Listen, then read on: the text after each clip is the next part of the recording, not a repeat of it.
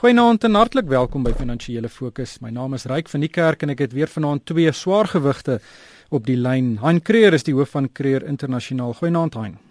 Goeienaand Ryk. En Magnus Huystek is die hoof van Brente is 12. Goeienaand Magnus. Hallo Ryk en goeienaand Hein.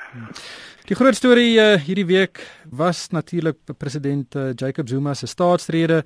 En ek wil nou nie by die politiek vashak nie, maar hy het donderdag 'n taamlike goeie toespraak uh, in die parlement gelewer oor die debat oor sy staatsrede.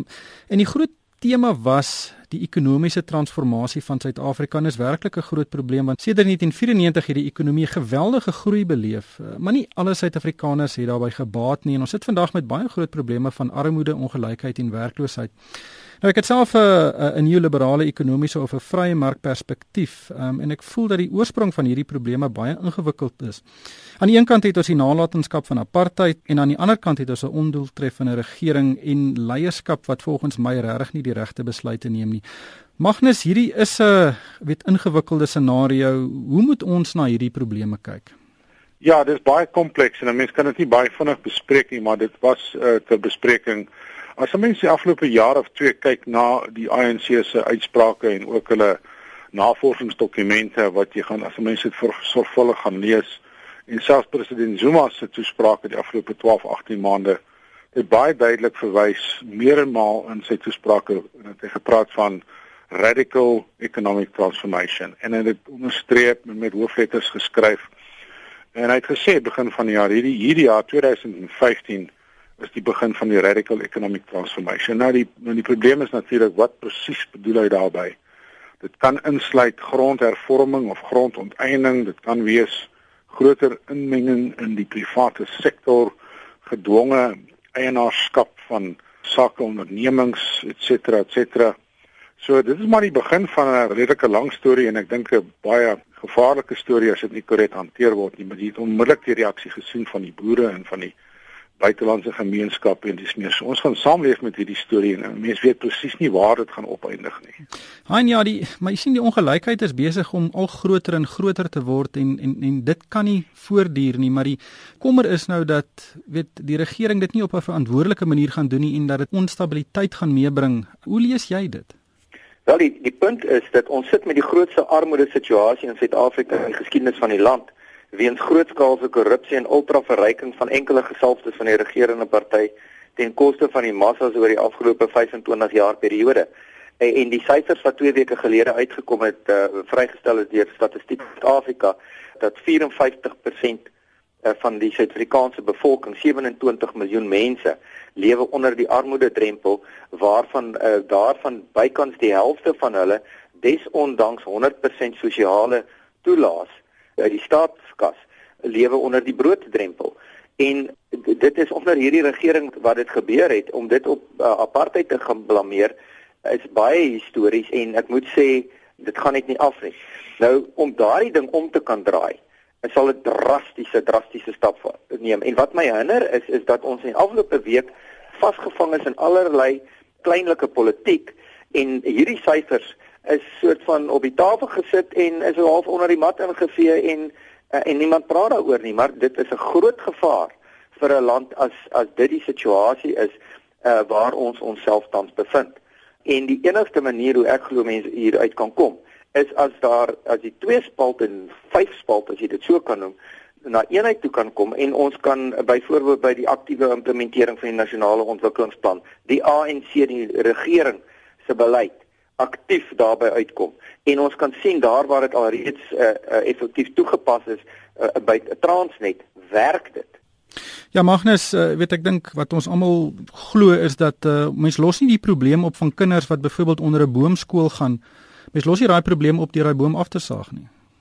Nee, dit is een van die probleme is die swak uh, produkte wat deur die skoolstelsel gelewer word ondanks die feit dat dit die grootste item op staatsbesteding is. Uh en dit uh, maar daar's baie meer faktore jy weet die die die werkloosheid waarna jy verwys het en die feit dat die ekonomie gegroei het maar die die herverdeling van die ekonomiese koek het nie gelykmatig daarmee gegroei nie.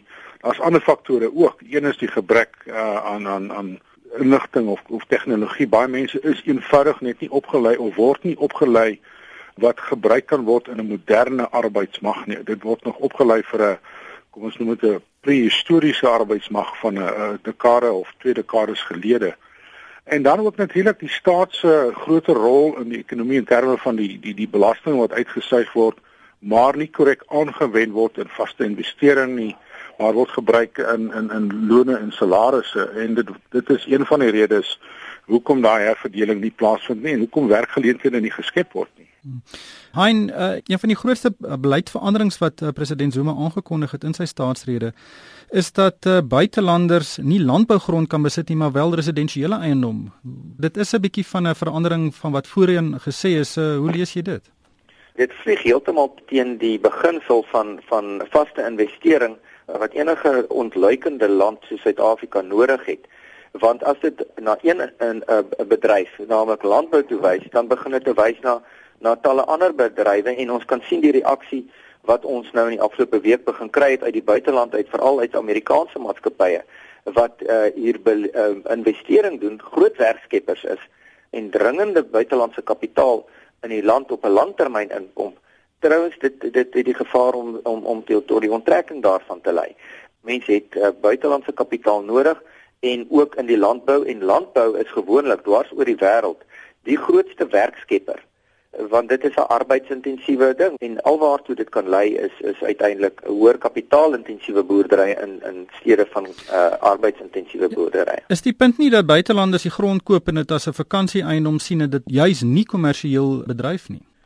Ek dink dat baie van ons landbou uh, grond uh, in plaaslike hande sowel as in buitelandse hande het in die afgelope jare 'n uh, baie sterk wildsrigting geloop wat nog steeds 'n vorm van landbou is en toerisme rigting geloop. Met ander woorde, dis 'n baie goeie verdiener van buitelandse valuta en uh, toerisme is 'n is een van die groot goed in Suid-Afrika en dit wil nie van die grond af kom nie as gevolg van uh, tot 'n groot mate uh buitensporige pryse aan die een kant maar aan die ander kant misdaad. Buitelanders is bang vir die misdaad in Suid-Afrika. Hmm. Magnus, kom ons gesels 'n bietjie oor die Suid-Afrikaanse Inkomste Diens. Is natuurlik een van die belangrikste staatsliggame omdat dit die beursie van die regering is uh, en ons hoor regtig lelike dinge wat daar uitkom. Um, weet daar's nou ondersoek gedoen deur advokaat Muzi Shikakane. En uh reeds daar is daar uh, gereageer op hierdie verslag. Daar's mense geskort, insluitende Ivan Pillay, die adjunkkommissaris en Pieter Rigter, hy is hoof van strategiese beplanning en risiko. En daar's groot aantuigings, aantuigings dat daar 'n geheime eenheid is wat op die president gespioneer het, onder meer op die president en dat daar 'n bordeelbedryf is. Dit is nie goeie goed wat daar uitkom nie en dit is komende uit 'n staatsinstelling wat eintlik onkreukbare integriteit aan die dag moet lê. Dit is baie jammer en dis nie net die mense wat afgedank of geskort is nie, maar ook die kundige mense wat bedank het. Barry Hoor byvoorbeeld wat van die bankwese afkom van Netbank en 'n baie groot rol gespeel het in die modernisering van SARS se insameling en stelsels. Hy het, hy het eenvoudig net sy goed gevat en geloop en mense sal nooit presies weet wat die rede is nie, maar dit is kommerwekkend as skielik uit 'n staatsinstansie wat ons het altyd gesê dis die een ligpunt in die groter prentjie van van staatsinstellings en hoe hulle funksioneer en skielik uh, binne 'n kort bestek van 3 maande dink ek dat omtrent 7 tot 9 baie senior personeellede net eenvoudig of afgedank, geskort of net goed gevat en geloop. Daar is daadwerklik iets aan die gang en dit is baie jammer wees want een van die ligpunte van die Suid-Afrikaanse situasie was dat ek dink in die algemeen het ons 'n baie hoë belastingmoraliteit. Meeste mense wil hulle belasting betaal, hulle wil korrek uh, wees met met hulle verhouding met SARS en skielik kry jy nou die ge gevoel dat mense sê ek gaan nou enigiets probeer doen om my belasting te vermy want ek vermoed hulle steel in elk geval my geld. So dis wel baie baie jammer wees. Hmm. Hein, dit is regtig 'n uh, wete hartseer storie hierdie en dit speel weerbeens uh, lyk dit na die manier hoe die regering sy staatsinstellings bestuur. Daar is maar net 'n gekrapperigheid oral. Wel, ons praat nou van SARS, ons praat van die nasionale vervolgingsgesag, ons praat van die sekuriteits uh, polisie, die die gedeelte dit lyk asof dit deur persoonlikhede gekaap word vir eie gebruik en daar waar dit vir 'n uh, mense in hoë posisies bedreiging inhou lyk dit asof asof hulle dan persoonlik ingryp en dis daar 'n hele vermenging uh, van die staat se verskillende onafhanklike sektore wat besig is om om net onder een hoed toegegooi te word en die die beskuldigings wat gemaak word wat jy net nou genoem het gaan net nie op wanneer ons praat van die mees effektiewe staatseenheid wat uiters professioneel uh, gewerk het en wat wêreldwyd hoog aangeslaan is. Uh, kan nie sommer nou net skielik verander in 'n plek wat 'n bordeel bedryf en daai tipe van dinge nie. Dit maak net geen sin nie. Magnus, kom ons gesels 'n bietjie oor goeie nuus. Ons het die inflasiekoers hierdie week gesien en hy het ingekom op 4,4%. Dis bykans 'n persentasiepunt laer as Desember se 5,3% en laer as verwagtings ten minste saam een ekonomiese aanwyser wat in die regte rigting beweeg. Natuurlik, dis te danke aan die laer oliepryse en en ook is nags genoeg laer of voedselpryse wat teen 'n stadiger koers styg. Uh en dit is dit is baie dankbaar want uh die inflasie dreig heeltyd om om om hand uit te ruk en en veral gesien teen die agtergrond van 'n globale inflasiekoers wat amper op 0 is in meeste lande en ook negatief in sekere lande en as ons inflasiekoers hardnekkig hoog bly, sê 7% dan het dit 'n dramatiese impak op die wisselkoers want uh die verskil tussen die wisselkoerse is eenvoudig te groot. So dit is baie goeie nuus en 'n mens moet dit moet baie bly wees daaroor. Ja, verseker hein, um, die oliepryse is manne uit die hemel vir Suid-Afrika en soos Magnus nou gesê het, een van die drywers vir die lae inflasie. Die laaste ding wat Suid-Afrika nou kan bekostig is rentekoersverhoging wat spruit uit hoër inflasie. So hierdie is regtig regtig goeie nuus. Ja, ek dink die uh, Reserwebank hou uh, redelik styf vas aan die aan die uh, rentekoers want as 'n mens gaan kyk na die markkoerse, dan is dit definitief besig om 'n uh, natuurlike opwaartse kurwe te volg terwyl die uh, repo koers uh, dit nie nie volg nie. Maar uh, ons moet ook uh, onthou dat uh, dit wat met die olieprys gebeur het, dit wys jou net hoe ongelooflike uitwerking en uitkringende uitwerking het die olieprys uiteindelik op inflasie in enige land en so ook in Suid-Afrika. En uh dis een swaaltjie wat 'n somer gemaak het. Uh dit lyk asof dit stadig maar seker is besig is om weer te begin optiek die die oliepryse en ek dink nie hy gaan vir altyd hier onder bly waar hy tans is nie. Ons het ook 'n ander probleem en dit is dat ons sit met 'n geweldige droogte uh, wat uh, die graanproduksie in die land uh onder baie groot druk plaas wat beteken dat ons mieliepryse wat weer 'n uitkringende effek op op kospryse in Suid-Afrika het, waarskynlik later in die jaar weer gaan styg. So ons verbruikers behoort eintlik hierdie meer geld in hulle sak op hierdie stadium te gebruik om hulle skuld te verminder wat nie lyk as hulle dit doen nie as ons kyk hoe die uh verbruikersmaatskappye op die aandelebeurs skielik begin geld maak. Dit beteken dat die mense besig om geld te blaas. Gepraat van die beurs, Magnus, ons het hierdie week verskeie rekordhoogtepunte gesien op die beurs, maar daar is regtig vir my baie baie min positiewe nuus uh, in die wêreldekonomie. Hoekom styg die markte so? Soos ek nou nog gesê het, rentekoerse oral in die wêreld is zero of negatief. Uh, jou jou opbrengskoerse op staatseffekte, selfs maatskappye effekte is is die laagste op rekord. Ons praat van 400, 500 jaar se opbrengskoers. So jy kry geen opbrengs op enige van daai bateklasse nie. So beleggers is gedwing om uit hulle ehm um, weet hulle veiligheidssone te beweeg na meer riskante bateklasse soos aandele. Aandele wat vir jou opbrengs gee van 2 of 3% dividend opbrengs is nou skielik baie aantreklik want dit is hoër as die opbrengs op op staatseffek. So daar is nie ander plekke waar jy opbrengs kan kry in hierdie stadium nie. So tot tyd en wyl die hierdie rentekoers storie uitspeel, dis nou die globale rentekoers storie, kan hierdie mark nog baie verder hardloop want waar anders gaan jy jou geld sit? Hmm. Een van die maatskappye wat 'n interessante aankondiging gemaak het hierdie week was Sasol en hy het 'n nuwe dividendbeleid aangekondig en en hy gaan sy progressiewe dividendbeleid staak en dit beteken dat hy elke jaar 'n hoër dividend uh, teoreties betaal. Dit is nie gekoppel aan sy winsgewendheid nie en hy gaan dit nou vervang met 'n dividenddekkingsbeleid waar die dividend dan styg saam met die uh, die wins of daal saam met die wins soos wat ons nou gaan sien. Uh, groot verandering. Aandele het pak slaag gekry. Uh, wat dink jy daarvan?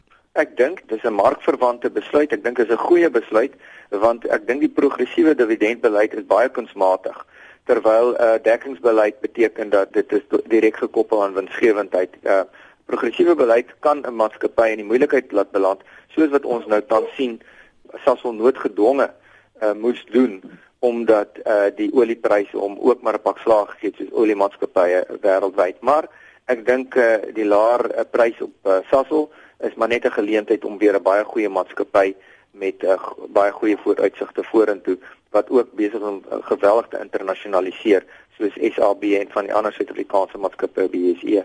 Dit gee vir jou geleentheid om daarin te kom. Magnus, ja baie mense glo vas aan Sasol amper soos wat jy goud bulle kry. Wat, wat dink jy op die oomblik van Sasol? Ek dink die kommoditeitssiklus uh, kan mense nog seermaak. Ek meen baie mense het geglo in die kommoditeitssiklus en dis verbasend hoe vinnig hy amper ineengestort het die afgelope 8 maande. Ongelukkig gegee die makro-ekonomiese situasie waar ons sit, kan die oliepryse nog laer en derhalwe gaan jy Sasol nog teen 'n laer prys koop. So ek sal huiwerig wees om om om op hierdie vlak. Ek dink daar's net te veel onsekerheid in die markte.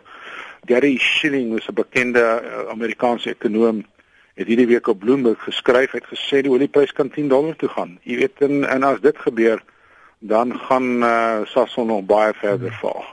Ongelukkig hierdie tyd ons ingehaal. Baie dankie aan Creer van Creer Internasionaal en Magnus Huystek van Brenters. Wel, dankie meneere.